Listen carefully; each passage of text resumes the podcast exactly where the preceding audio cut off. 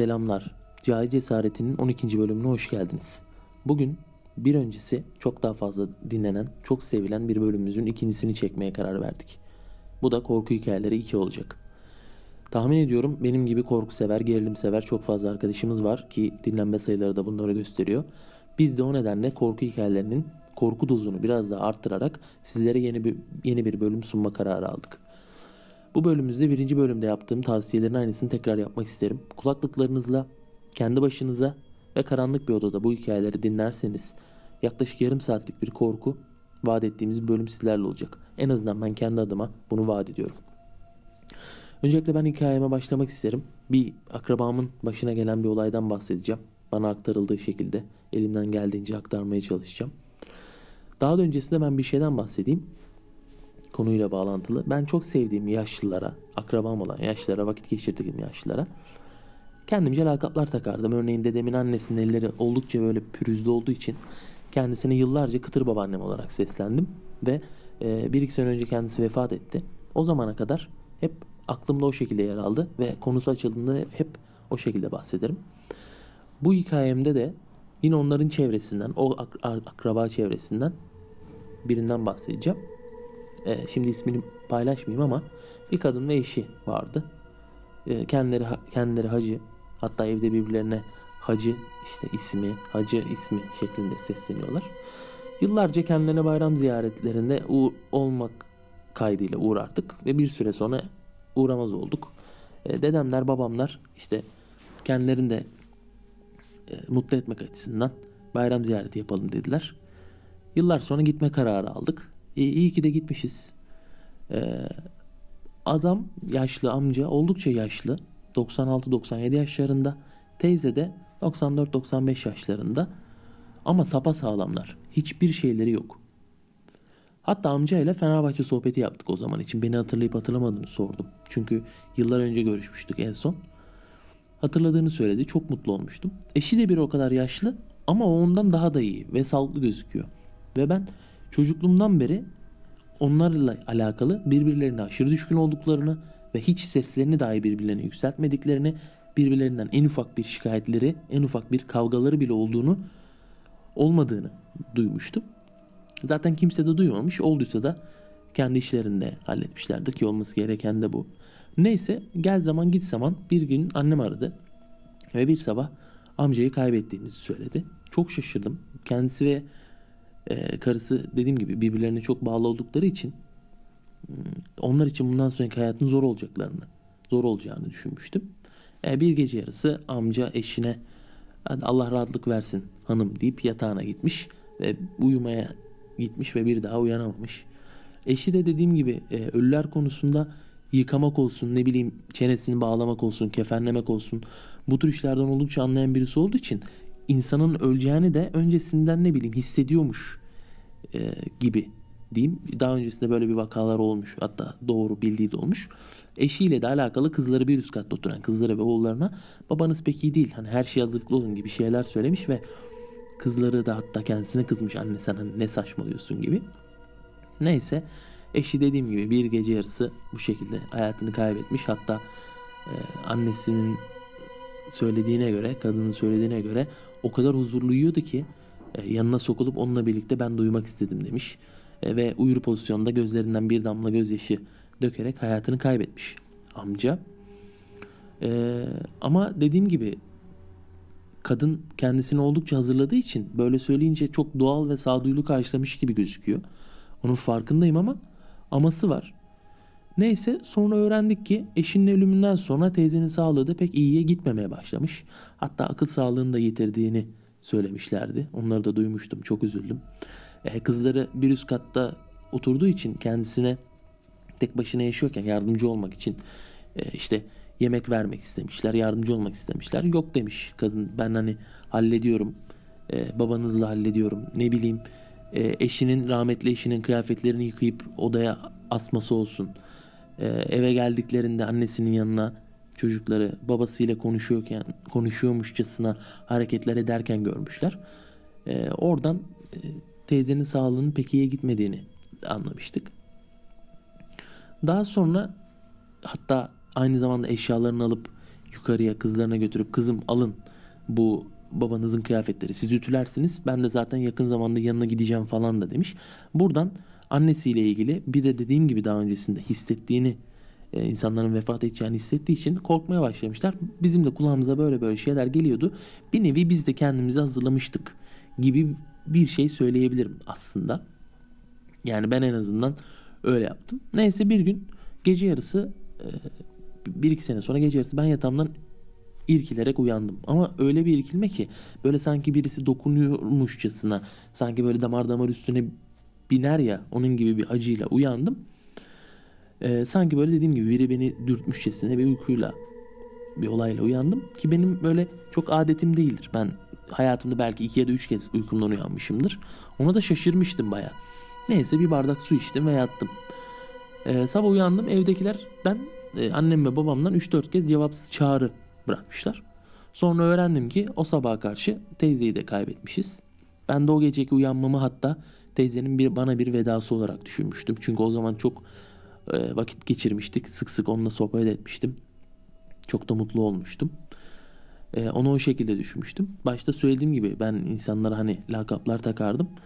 Ölen e, dayının da lakabı çocukları neredeyse ısırırcasına sevdiği için ısıran dayıydı. Adı da öyle kalmıştı bende. Mekanları cennet olsun.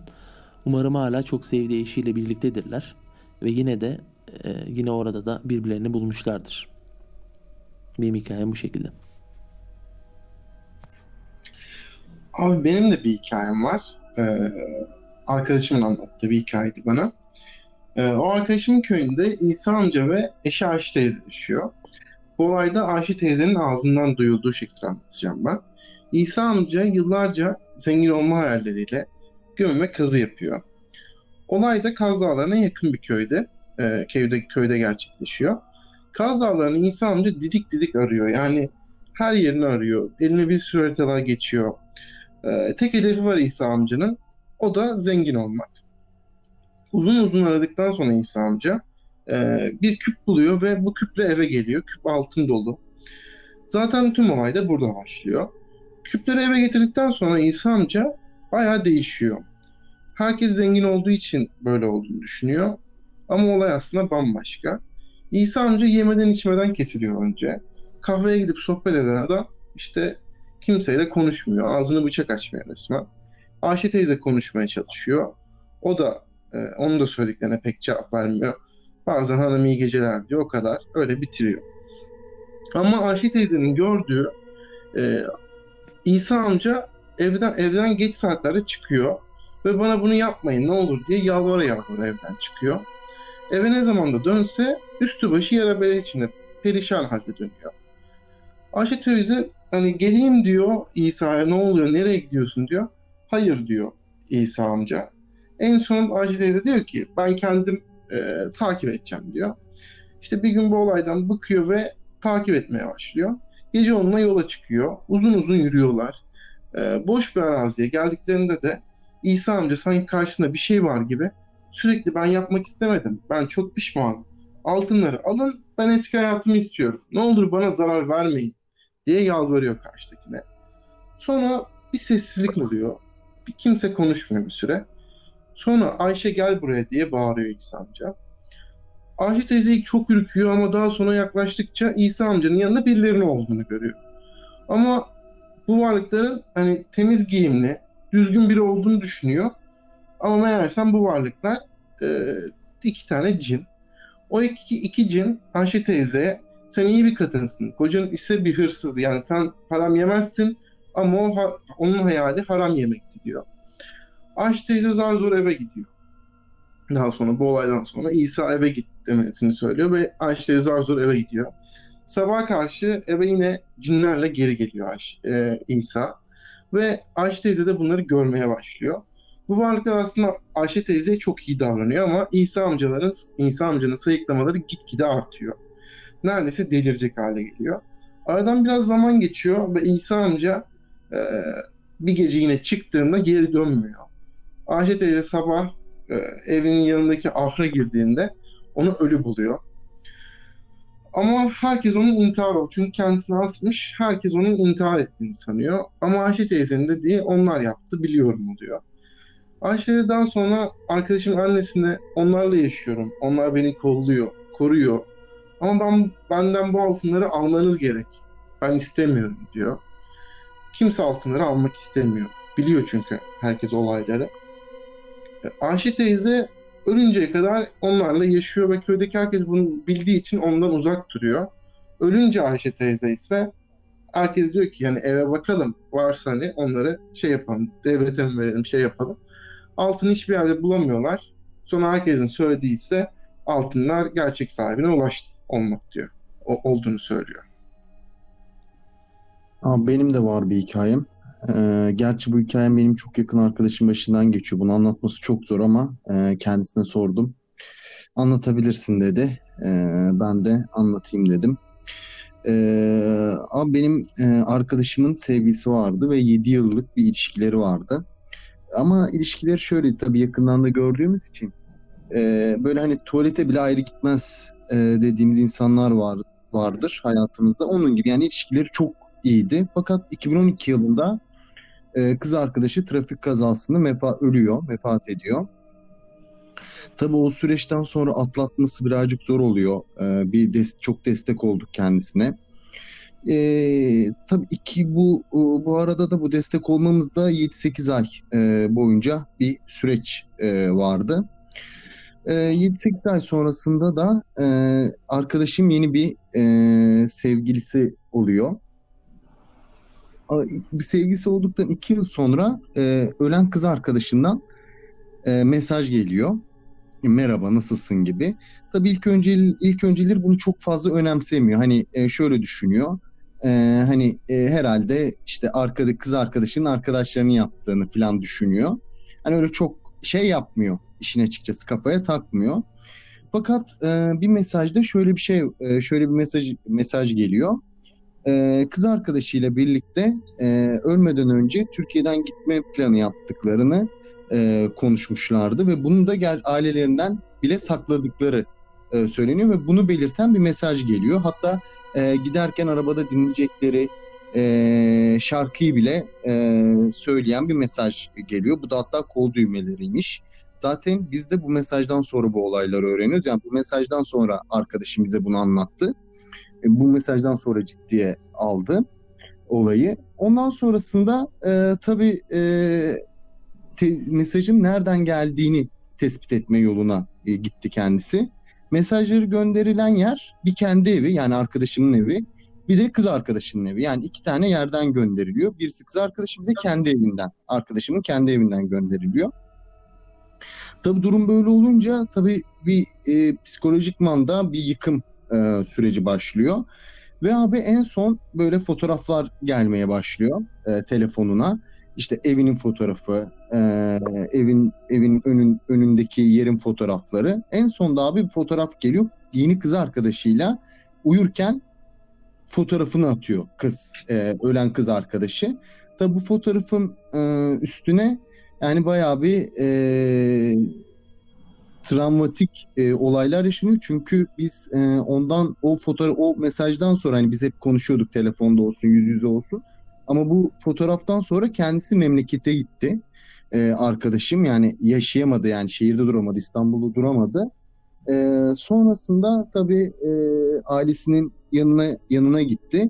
Tabii burada da bir ailesi de doktor tedavisi e, önermişler. Doktor tedavisiyle birlikte e, yaşamına e, sağlıklı bir şekilde şu an devam ediyor. E, benim hikayem böyleydi. E, yani şu anda gayet iyi kendisi. Hmm, benim de e, iki tane hikaye anlatacağım. Bunlardan bir tanesi e, benim yaşadığım bir, duyduğum bir olay. E, diğeri de arkadaşımın bana anlattığını anlatmaya çalışacağım size. İlk önce arkadaşımın anlattığını anlatıyorum. E, bir ilçenin köyünde çoban varmış. Bu çoban hayvanları otlatmaya çıkarken e, yanında tüfeğiyle 6-7 tane köpeğiyle birlikte gidermiş. Tabii büyük bir e, koyun ve keçi hayvanları varmış yani. Çıktığında da sabaha kadar gelmediği için de yanında suyun yiyeceğini hep e, hazır edermiş, götürürmüş yani. E, yaylı olarak tabir edilen bir yer olduğu için dağlar ve yüksek patikalar çok fazla olduğundan e, aynı zamanda karanlık ve insan bulmakta zor bir yer yani. E, bu çoban bir gün e, iki dağ arasında ırmak gibi bir yere geliyor. E, hem ferah hem sessiz hem de hayvanlar için mükemmel olduğundan tabii hoşuna gidiyor yani. E, burada hayvanları kontrol ettikten sonra e, uyuyakalıyor, birazcık uzanıyor. Bir anda hayvanlar arasında köpekler bir yere doğru havlıyor. E, uyanıyor. Tabii e, hav korktuğu için de tüfeğini eline alıyor. E, köpeklerin havladığı yere doğru bakıyor. Bir şey bulamayınca tabii e, aynı şekilde yattığı yere geri gidiyor. E, yine bu sefer e, uyurken e, bir anda keskin bir koku geliyor. Ama bu kokuyu da almamak mümkün değil. Uykusundan uyanırken, tam o ara keskin kokuyu alırken hayvanlar sağa sola kaçışıyor. Ne oluyor, ne bitiyor diye tekrar uyanıyor gözünü açtığında sağa sola bakıyor yani endişe ediyor iyice. Tam o ara hayvanların kaçışının arasından e, bir yerde e, hayvan görüyor. İki tane hayvan görüyor. Bir tanesi köpeği, bir tanesi de koyunun birisi parçalanmış şekilde orada duruyor. E, tabii iyice tırsıyor çünkü yabani bir hayvan sanıyor. Bu bu kadar güçlü bir hayvan kim olabilir diye sağa sola bakarken üstüne doğru bir karanlığın geldiğini fark ediyor.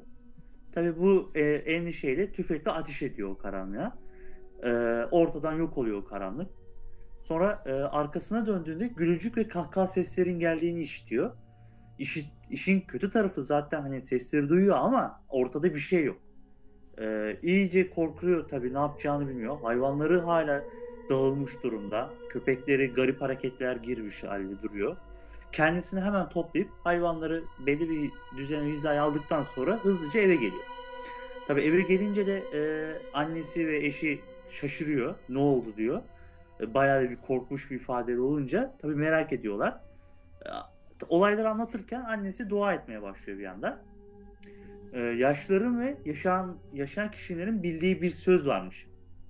Güneşin doğduğu yerde bir dağ, battığı yerde bir dağ, ortada ise bir dere varsa oradaki bütün gölgeler cinlere aittir diye bir söz vardır. Bunu tabi annesi söyledikten sonra çocuk da tabi çok şaşırın, şaşırıyor. Ee, çoban gelirken hayvanların eksik olduğunu fark ediyor tabi. Ee, tekrar oraya gittiğinde e, hayvanların çoğunu e, ölü, e, gözleri oyulmuş, parçalanmış şekilde olduğunu fark ediyor. Tabii konu gün yüzüne çıkınca da kimse oraya bir daha gitmemek için özen gösteriyor. Bu benim arkadaşımın anlattığıydı. Benim de e, staj zamanında yaşadığım bir olay vardı. Bir abiyle konuştuğum daha doğrusu. Onun bana anlattığı olayı aktaracağım. Staj yaptığım sene e, çalışan bir abi vardı. Yoğun bakımda çalışıyordu kendisi. Aramız çok iyiydi. Tabii ben ameliyathane çalışıyorum. Yoğun bakımları pek bilmiyorum. Merak ettiğimde sorardım. Yani abi yoğun bakımlar nasıl falan diye. Ee, bir gün tabii yine muhabbet arasında ben sordum. Abi dedim yoğun bakımda hiç e, enteresan değişik bir olay yaşadın mı dedim. O da bana şöyle bir şey anlattı. Bazı hastaların durumu iyi olmadığında ya da bugünü zor çıkardı dediğimiz hastalar vardı. Ee, yani doktorların söylediği hani sabaha çıkaramayabiliriz ya da durumu çok kötü diye belirttikleri hastalar oluyordu.